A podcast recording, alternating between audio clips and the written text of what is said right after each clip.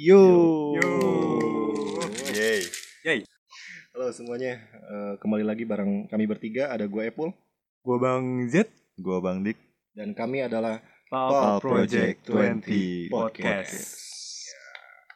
Eh, ini adalah episode kedua kami di tahun 2020 dan eh, episode ini dibuat pada tanggal 2 Februari 2020. Tanggal 2 bulan 2 2020.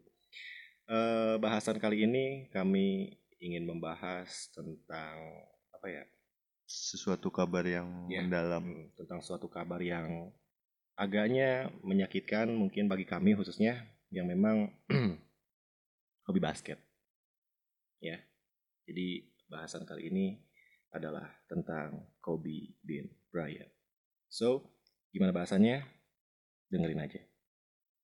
Welcome to the Kobe Show. Take two.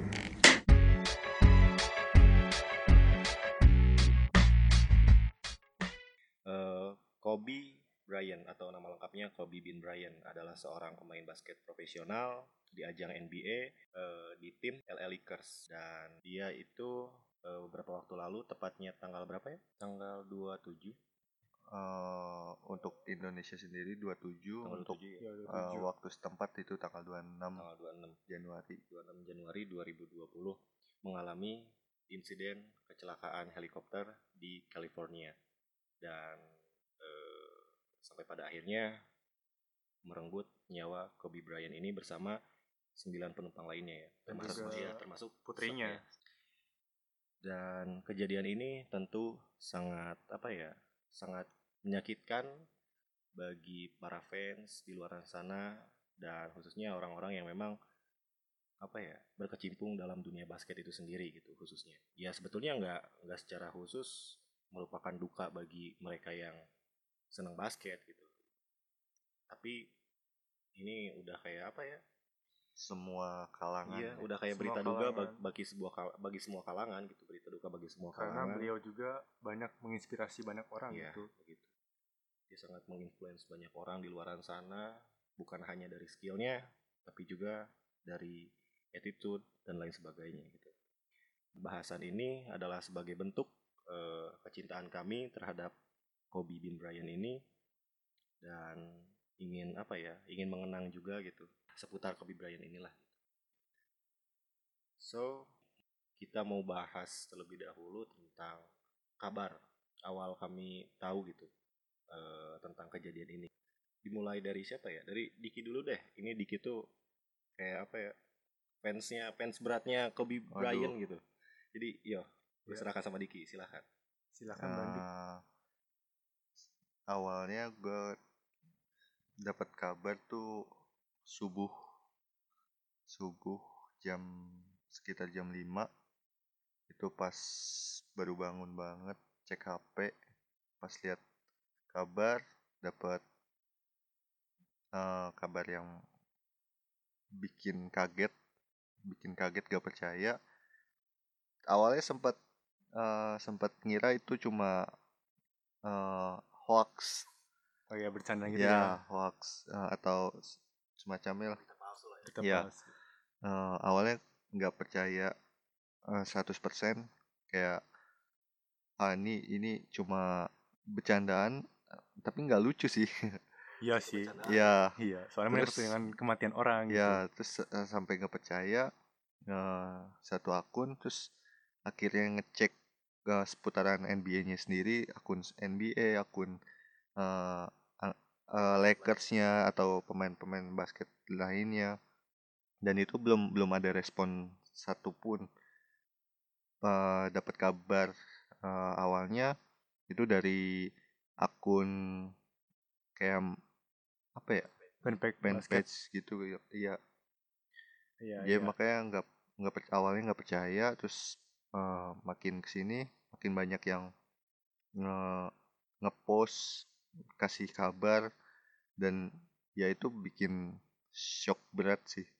Shock berat banget sampai kayak ba- baru kemarin juga baru lihat Kobe hadir eh, di a- di apa ya pertandingannya Lakers lawan Spurs kalau nggak salah pokoknya itu benar-benar Iya, momen iya. yang Kobe ketemu sama LeBron dan tegur sapa, tos-tosan dan semacamnya.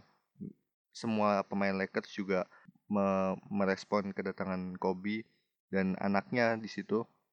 Dan tepat pada keesokan harinya tuh dapat kabar kayak gitu kayak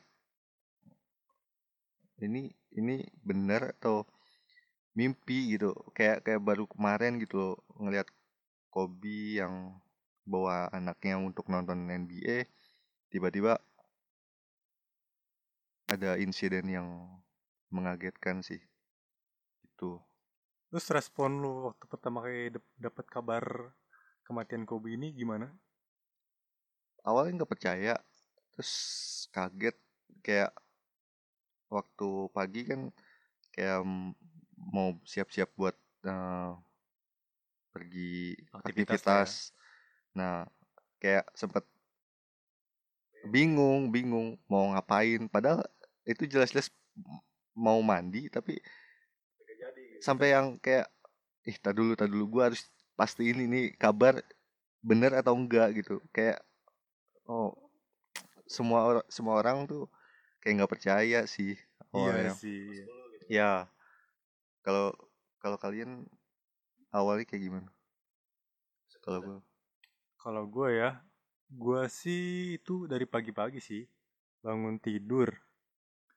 eh bangun tidur gue buka HP pertama pertama kali itu. Buka HP, langsung buka buka Instagram pertama.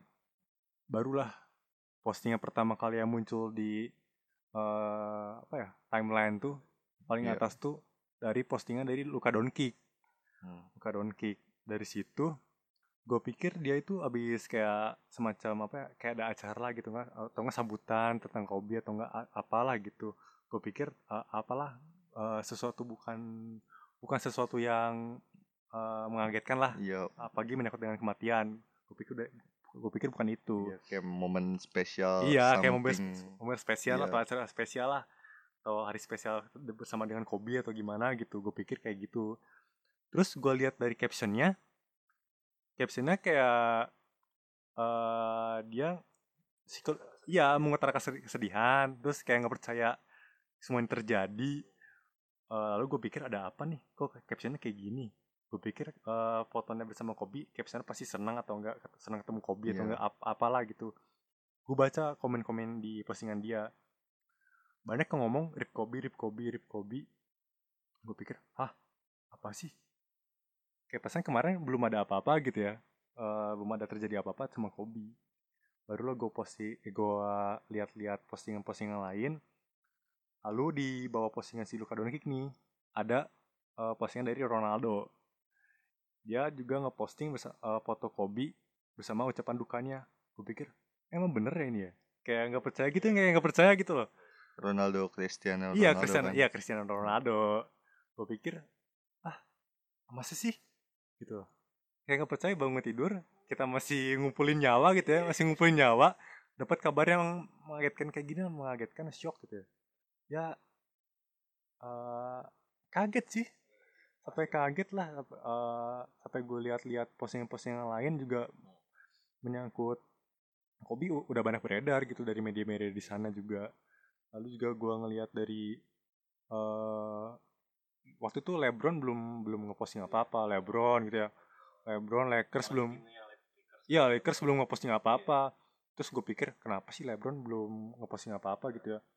Gue lihat dari satu dari salah satu media ternyata LeBron eh pertama kali dapat kabar duka itu dia langsung ekspresinya langsung menangis sambil meluk entah meluk siapa ya meluk istrinya atau meluk anaknya gue nggak tahu itu siapa nangis habis sambil nangis dan baru tahu lah kalau LeBron belum ngeposting apa apa karena dia masih shock juga dengan kabar duka ini ya gitulah gue kaget sih sebenarnya kayak nggak percaya aja gitu kalau bang Dek Bang De. Nama gue Apple anjing Oh, di sini. Apple ya? Apple bukan Bang De. ya kalau gue sih pertama tahu kabar Kobe meninggal itu sebenarnya nggak tahu, nggak tahu, nggak tahu kalau Kobe itu ada berita Kobe meninggal gitu. Soalnya gini, jadi pas eh, malam enggak sih tanggal 27 dini hari pagi nih gue tuh baru tidur ya sekitar jam 3an lah jam 3an otomatis gue bangun siang dong Iya. bangun siang nah Nocturnal berarti. Iya, nocturnal gue insomnia gitu. Nah, eh, pas gue baru bangun, ya kebiasaan gue kan nggak tahu gimana ya, udah mendarah daging mungkin. Jadi kalau misalkan udah bangun tidur tuh langsung buka HP gitu. Ya Langsung- sih semuanya iya, kayak gitu. iya, bangun tidur sama kayak gitu juga. Bangun tidur tuh yang pertama dicari tuh HP gitu. Ya udah gue langsung cari HP, langsung gue pertama kali dibuka tuh WhatsApp. Nah, terus di chat teratas gue nih ada chat di grup kan, di grup kita nih WP, iya West Pineapple, West Pineapple iya, iya. Basketball. Nah, ada yang post, eh, ada yang nge-send eh, pesan si Mario, si Mario itu kan kayak nge-share foto Kobe beserta caption, yuk sore game eh, spesial buat Kobe katanya gitu. Sambil eh, ada foto Kobe yang sedang seolah bersujud, enggak bersujud sih, kayak ber- kayak bersimpuh terus tangannya ke atas gitu. Kayak Nah, selebrasi lah. Ya, selebrasi atas gitu, ya. selebrasi selebrasi pemain bola kan kayak gitu nunjuk ke atas tangan dua gitu. Nomornya 24 kalau nggak salah. Spesial buat Kobe katanya gitu. Gua nggak ngerti kan. Ini apaan sih emang spesial apa sih Kobe gua. Apalagi di bawahnya ada yang bales, ya ayo ayo main, ayo main, ayo main gitu. Enggak enggak apa ya, enggak secara langsung ngebahas kalau ternyata ada kabar duka dari Kobe gitu. Iya, iya. Ya gua kan orangnya kayak apa ya? Ya kayak cuek-cuek aja gitu ya udahlah. Ya udahlah apa sih gua nggak tahu apa-apa gitu. Ya baik kan. Heeh, terus eh, setelah gua buka WhatsApp, gua kamar mandi, cuci muka, mandi, bla bla bla bla. Balik lagi kamar, buka lagi HP tuh, buka lagi HP. Ah yaudah gua iseng ah buka Instagram gitu kan. Terus gua lihat postingan lu tuh story eh, tentang kok tentang Kobe semua? Ngapain dah? kata gua gitu. Terus eh, ada eh, storynya juga si Z ini. Gue lihat kok Kobe? Emang ada apa sih Kobe? Nah gue balik lagi ke WhatsApp. Ada story story lu ada yang Kobe Kobe gitu. Nah gua belum tahu gitu ini orang tujuannya apa gitu? Ngepost Kobe semua. Nah baru pas gua lihat postingan si Yosep si Z ini nih Yosep gua kesebutin dah. Ya udah lah apa-apa. Ya apa lah. Terus ada tuh foto foto, eh, foto Kobe terus captionnya rip Kobe. Gua kaget di situ. Lah yang bener nih. Nah gua gua kan tahu nih orang suka bercanda suka bercanda. Bercandanya Iya tuh kayak receh-receh berak gitu gitu. Ini orang wah ini bercandanya kayak peta ini kata gue Gak, lucu nih. Segitunya ya. iya gue ya, ya. gue taunya dia bercanda apa apa dibercandain sama dia gitu. Beneran nih langsung gue buka IG lagi nih gue cari-cari di eh, official NBA belum ada nggak ada kabar terus gue cek ke Lakers eh, official account timnya nggak ada terus gue cek LeBron kan LeBron kan eh, beberapa waktu yang lalu nggak belum lama gitu kan baru aja eh, apa ya rekor lah. mecahin rekor ngal- ngalahin rekornya Kobe kan sebagai eh, greatest of all time kan. GOAT. Nah, gue dari situ itu postingan terakhirnya itu Kobe eh Kobe si LeBron. Nah, ini yang bener kata gue. Kobe meninggal tapi kok ini gak ada? Maksudnya belum ada respon gitu mau dari NBA tim ataupun rekan-rekan basket lainnya yang profesional gitu. Gak ada. Ah ini hoax kali kata gue terus eh, beberapa waktu kemudian gue cek-cek lagi gue scroll lagi terus di refresh refresh ada tuh berita baru. Kobe meninggal akibat kecelakaan helikopter pada tanggal 26 di waktu setempat di sana gitu kan di California. Gue langsung kayak kayak apa ya? Ya layak iya layaknya orang kehilangan lah gimana lah kayak Iya sih. kaget terus diem. Ya walaupun sebetulnya eh Bukan gue bukan iya gue bukan siapa-siapa. Gue juga kenal Kobe belum terlalu lama waktu gue SMA-an mungkin lah gitu kan. Iya, nggak iya. terlalu lama. Jadi ya kaget ada kaget. Cuman kayak ini yang bener gitu gue kan orangnya kan gak gampang percaya gitu sama sesuatu. Iya. terus dari situ oh mungkin ini alasan kenapa banyak orang nge-share eh, tentang Kobe. Kok gue ketinggalan gitu kan? Apa gue sekudet itu gitu? Dari situ wah langsung langsung gue cek eh, itunya apa sih? Eh, akunnya Kobe di Instagram. Terus dia pot, postingan terakhirnya sama si Gigi anaknya gitu. Iya. yang pas di apa sih? Foto sama pemain volley gitu deh sama pemain pemain volley gitu itu postingan terakhirnya. Gua lihat itu ya terus ke sini ke sini ada foto Kobe sama si LeBron yang seolah kayak lagi ngucapin selamat mungkin Hmm. barangkali gua nggak tahu dia lagi ngomong apa dalam foto itu. Itu kayak gua mikirnya kayak nunjukin seolah nggak akan ada apa-apa gitu Se- seolah semuanya baik-baik aja gitu. Iya. nggak ada pertanda sesuatu hal buruk bakal terjadi gitu. Ya ginilah taruhlah kita ngelihat seseorang yang meninggalkan kita tuh dari prosesnya dulu barangkali sakit dulu atau enggak riwayat kesehatannya dulu deh yang bisa memungkinkan dia untuk meninggal pada akhirnya gitu ini nggak ada gitu ini kemarin beberapa waktu lalu dia sempat ketemu sama LeBron gitu Udah masih happy happy aja masih gitu. iya masih kata Diki kan eh, apa ya masih ketemu masih kayak ngucapin congrats gitu Iya. kan Iya. maksudnya baik-baik aja gitu tiba-tiba ada kabar yang gini wah itu ya walaupun bukan fans berarti tapi gue merasakan gitu kehilangannya gitu. Soalnya ya gue juga terinspirasi banyak banyak belajar lah dari dia gitu. Gimana attitude-nya dia gimana etos kerjanya dia gimana loyalitasnya dia di Lakers. Wah gila itu dalam sih. Apalagi ya buat sekelas fans beratnya gitu. Yes, tadi yang dibilang sama Bang Jet juga kan sampai sekelas Cristiano Ronaldo Iya. pun Iya. sempat ngasih appreciate Bukan ucapan. Ronaldo doang, so. Ronaldo doang sih apa? Eh atlet-atlet olahraga yang lain Hmm. juga sampai banyak, Banyak. posting. bahkan sampai selebriti selebriti pun ya Iya. iya Hollywood itu mereka sampai gue lihat dari apa ya? Pemain tenis di mana sih? Pokoknya kejuaraan gitu Hmm. dia sampai pakai jersey. eh, pakai jersey Iya, Kobe. eh, si Kobe untuk gitu. menghormati. Menghormati dia. Wah, itu. Dan setelah gua nerima kabar itu awal- awalnya nggak tahu makin ke sini makin ternyata makin banyak. Oh berarti bener gitu kalau kalau Kobe itu mengalami kecelakaan. Dan memang eh, setelah gua baca-baca nyari artikel di internet juga kabarnya Kobe ini meninggal saat eh, menaiki helikopter bersama sembilan penumpang lainnya termasuk anaknya saat mau ke itu ya apa sih namanya? Eh, ke Mamba Academy. Iya ke Mamba Academy gitu. Tempat tempat di mana Kobe mendirikan sebuah pelatihan camp pelatihan untuk basket gitu. Dan di situ anaknya juga waktu itu mau tanding kan. Waktu tanding dan semua yang di pesawat itu memang tujuannya untuk ke eh, ke sana gitu ke Mamba Academy itu. Dan waktu itu yang gua tahu dari berita nih eh, faktornya salah satunya cuaca sih katanya. Cuacanya soalnya waktu itu pas dia terbang tuh si cuaca tuh lagi berkabut kabut parah gitu Tapi yang gue dengar juga dari media-media di sana, Hmm. eh, sebelum berangkat itu si mesin helikopternya agak bermasalah gitu bunyinya. Oh, kayak bunyinya uh, itu kayak gak wajar gitu. uh. Untuk buat terbang tuh kayak gak wajar tuh bunyi pes- bunyi helikopternya itu Hmm. ya. Ya mungkin itu ditambah faktor sih, cuaca juga faktor menduk- cuaca sama faktor mesin Ya juga mesin ya. juga ya mungkin karena itu mungkin. Tapi ya kita belum tahu faktor yang pastinya Apa, apa, iya. itu karena masih dalam Iya. pendidikan. soalnya sampai Uh. saat kami eh soalnya sampai eh, saat kami bikin siaran ini podcast ini kami belum nemu konfirmasi yang jelas terkait apa faktor utama yang menyebabkan helikopter yang ditumpangi Kobe Kobe Bar, Kobe Bra, apa sih Kobe Bryant ini mengalami kecelakaan gitu Iya sih. ya belum ada ya Belum ada sih dari apakah Entah apa- entah belum ada, entah atau kita, kita, yang belum tahu kita yang belum eh, tahu. belum update Soalnya masih kayak sampai detik ini pun pihak pihak mana pun kayak masih Menahan. berduka cita Iya, gitu. Iya.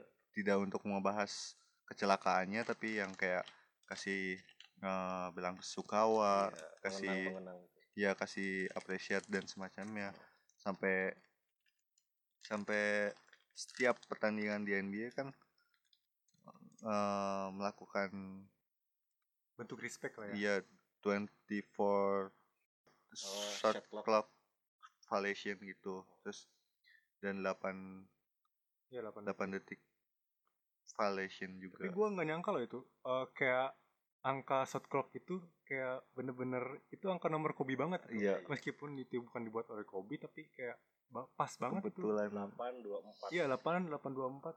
Eh, ya kayak seakan-akan nomor si Kobe ini dan Kobe Bryant ini eh, hidup itu di lapang Hmm, NBA itu kayak hidup gitu. Nah, soalnya gini-gini, jadi kenapa dibilang pas sama Kobe si waktu eh, waktu 824 nomor nomor lah katakanlah angka angka 2 eh 8 sama 24 itu karena dalam permainan basket itu ada waktu 8 detik untuk kita menguasai bola di area kita. Iya.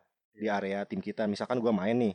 Nah, gua tuh punya waktu 8 detik eh, untuk apa ya? Untuk eh, mendribble bola di eh, setengah lapangan bagian gua gitu dan 24 Pertahanan lah ya. iya dan 24 detik diberikan ketika gua ada di eh, daerah pertahanan musuh ada di daerah musuh dan 24 detik dalam 24 detik itu kita harus eh, segera eh, melakukan shot gitu. Kalau misalkan 24 detik itu kita nggak melakukan shot sama sekali, ya udah gitu. Waktu Pelanggaran. gugur ya jatuhnya eh, katakanlah fall gitu.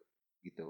Dan angka itu tuh pas sama nomor punggung Kobe. Jadi Kobe itu sebelum nomornya 24 itu sempat pakai nomor 8 gitu. Baru 8. sampai akhirnya ganti ke nomor 24. Makanya itu pas banget gitu. ya seakan-akan gue kayak nomor Kobe ini hidup banget itu Iya. kayak hidup banget di Hmm. lapang NBA itu Hmm. kayak secara nggak sengaja sih itu sebenarnya Dan eh, ngomong-ngomong soal Kobe nih, mungkin yang namanya seorang Kobe Bryant ya, legenda lah kata. Ya bisa dibilang legenda gitu. Karena dia tuh eh memegang gelar sebagai greatest of all time in NBA. Dia tuh pencetak poin terbanyak dalam banyak Eh, lah dalam torehan-torehan prestasi yang dia Hmm. buat di NBA itu dia punya banyak banyak prestasi dalam dari bidang assist basket. dari poin Hmm. dari shoot gitu Eh. banyak lah dari poinnya juga dia sampai 33 ribu ya kalau nggak salah 33 ribu poin gitu kalau nggak salah gua lihat ya kemarin dilewatin Eh, Oh, eh, skornya. ya, iya sampai dilewatin LeBron kemarin Iya. Dia tuh ya kenapa bisa dibilang sebagai legenda ya karena pencapaiannya itu yang luar biasa gitu. Dan ngomong-ngomong soal oh, Kobe sebagai seorang legenda basket tentu ada banyak hal yang yang bisa kita pelajari dari Kobe. Nah Iya. gue mau nanya nih sama Bang Dik apa sih yang lu bisa pelajari atau enggak se seenggaknya ya katakanlah apa yang menginspirasi lu dari dari sosok Kobe ini? Dia awal awal lulus eh, dari SMA-nya itu udah di draft di NBA. pada umur 18 tahun kan Ya, tepatnya 18 Iya, 18 ya. 18. Iya. 18 atau 19 terus dia di draft Charlotte Hornets Eh, kemudian ditukar ke Lakers di trade ya di trade terus ya untuk kehitungnya sebagai pemula lah ya itu. Kayak masih muda ya rookie.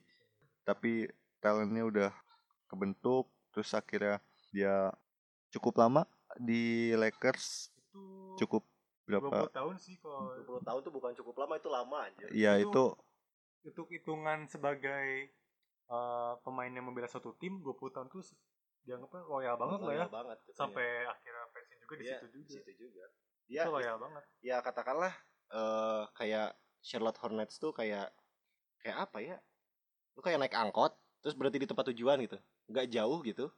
Nggak jauh nggak lama juga kan Kobe di Charlotte itu. Ya Iya. langsung di trade ke Lakers gitu. Itu nggak lama. Maksudnya ya katakanlah Charlotte itu sebagai batu loncatannya dan kemudian dia eh terjun tumbuh dan besar di Lakers gitu Ya, selama 20 tahun tuh Ya, anjir loyal banget kayak anggapnya itu kayak udah menemukan rumahnya lah gitu Hmm. Ya, terus di Lakers dia menang kontes slam dunk. Dia main di All Star juga. Terus eh, sempat juara NBA berturut-turut dari tahun 2000 sampai 2002 itu sama partnernya Shaq Shaquille O'Neal. Terus itu luar biasa pencapaian Kobe. Terus pada titik di mana Kobe harus punya masalah sama Shaquille O'Neal dan Shaquille O'Neal memutuskan untuk pindah ke Miami Heat kok Miami Heat. Dia Miami Heat. Miami Heat. Ya dan pindah itu merupakan ya namanya partner. Saat dipisahkan itu akan mengakibatkan kejomplangan di suatu tim itu kan. Iya, pengaruh lah ke pengaruh. Ya performa tim itu pengaruh Ya, terus pada tahun 2000 nggak nggak nggak lama dari perseteruan itu eh, Brian punya masalah di luar karir basketnya. Dia dituduh eh, melakukan pelecehan seksual eh, dan itu momen terberat eh, merupakan hal buruk yang mencoreng nama Kobe Bryant di Iyalah, NBA. dari masalah itu eh sempat di di who atau di tidak sukai ya banyak haters pada tahun 2003 eh saat pertandingan pun banyak yang tidak suka Kobe Bryant. Terus akhirnya Kobe melakukan permintaan maaf ke media padahal dia eh, tidak mengiyakan kabar itu tapi Kobe eh, cukup berbesar hati untuk me- iya meminta maaf. Terus itu luar biasa kalau menurut gua di mana orang yang harus melapangkan dada padahal tidak melakukan itu terus momen yang gue Emangnya tidak melakukan ya? tidak melakukan. Tapi dia gue pernah baca dia emang jujur melakukan dia. Terus tadi mengakui. Cuman atas dasar eh, suka suka sama suka. Oh jadi, dan jadi bukan karena, karena paksaan atau tuduhan yang di yang disampaikan oleh media. Karena dia maksudnya memperkosa atau enggak melakukan hubungan terlarang dengan gadis di bawah umur gitu ya. Oh. Tapi karena atas, atas dasar suka sama suka yang gue Hmm. tahu itu. Berarti dan dia mengakui itu eh, maka dari itu dia udah mulai dari situ dia mulai bangkit lah dari situ. Karena mengakui berarti luar biasa seorang Vanessa? Ya Vanessa. Vanessa nggak sama sekali membenci Kobe saat tapi gue yang yang gue suka dari Vanessa itu selama dia dituduh melakukan itu dan selama pembuktian itu Vanessa Eh, tuh istri Kobe kan? Ya Iya, Vanessa Vanessa Bryan Vanessa Bryant. Itu istri Kobe. Gue ngelihat eh, setiap kali eh, konferensi pers gitu ya yang selalu ada Vanessa. selalu ada Vanessa dan meskipun Kobe dalam liputannya dalam jumpa pers itu dia lihat eh, kayak apa depresi jatuh kayak udah nggak ada semangat gitu tapi di sampingnya itu selalu ada istrinya yang eh, ya meskipun udah dikecewain lah ya diselingkuhin siapa yang ngecewa lah diselingkuhin tapi ya kan istrinya itu tetap setia menemani. yang menemani dalam keadaan depresinya itu dalam keadaan banyak haters eh, yang yang sorak-sorakin jelek di lapangan gitu ya ya gue selalu sih sama si Vanessa. Ya makanya gue eh, respect banget ya. respect banget sih. Gue suka juga momen di mana final NBA Vanessa dan anak-anaknya juga nonton Kobe Bryant buat ngasih support. gitu ya. gue suka di mana Kobe hanya menengok ke arah Vanessa buat cuma senyum. Itu wah banget menurut gue dan perjuangannya si Kobe pas di lapangan itu sendiri uh effortnya gila banget sih. Parah. Terus Maksudnya, eh, dari kasus tadi juga kan dari tinggal ditinggal Shaquille O'Neal di eh, tuding eh dituding ya maksudnya Kena dapat kasus ya kena skandal itu. Karena seksual. Terus itu momen terberatnya Kobe.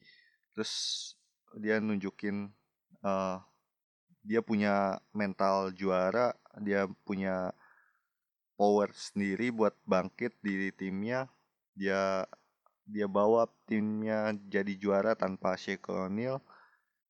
Terus eh, ada momen di mana sempet kayak Olimpik Olimpik antar negara lah ya. Oh, ya, yang- Olimpiade. ya. Olimpiade itu gue nggak tahu tahun berapa tuh sempet ketemu eh, USA yang di, dibela oleh Kobe Bryant da- dan eh, ketemu di final bersama timnya itu kan Paul Gasol ya Gasol, Paul Spanyol. Gasol, Spanyol. Spanyol. Spanyol Nah di situ eh, yang memenangkan itu USA dan dapat medali dan lebih menariknya itu pas eh, final NBA pas Lakers eh, hanya digawangi oleh eh, Kobe Bryant tanpa Shaquille O'Neal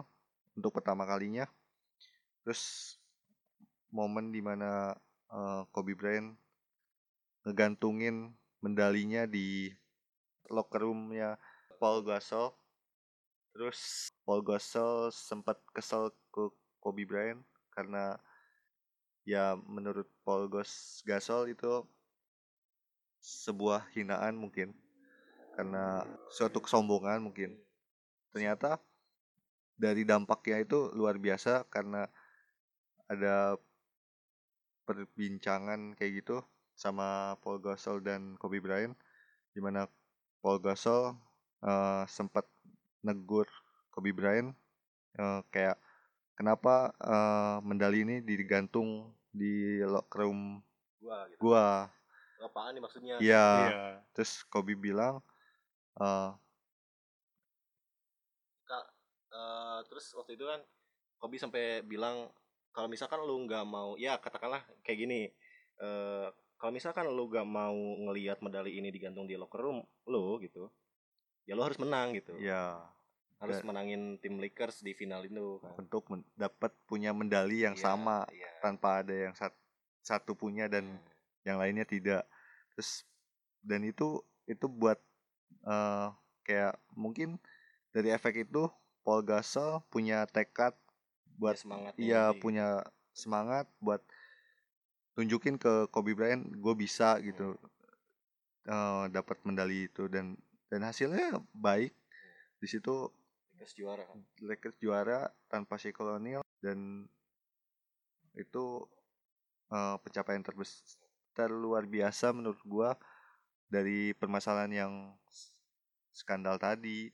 Terus tetap Kobe Bryant bisa nunjukin bahwa dia punya kualitas eh, dia punya membawa mentality itu ya luar biasa sih itu menginspirasi lu Bang.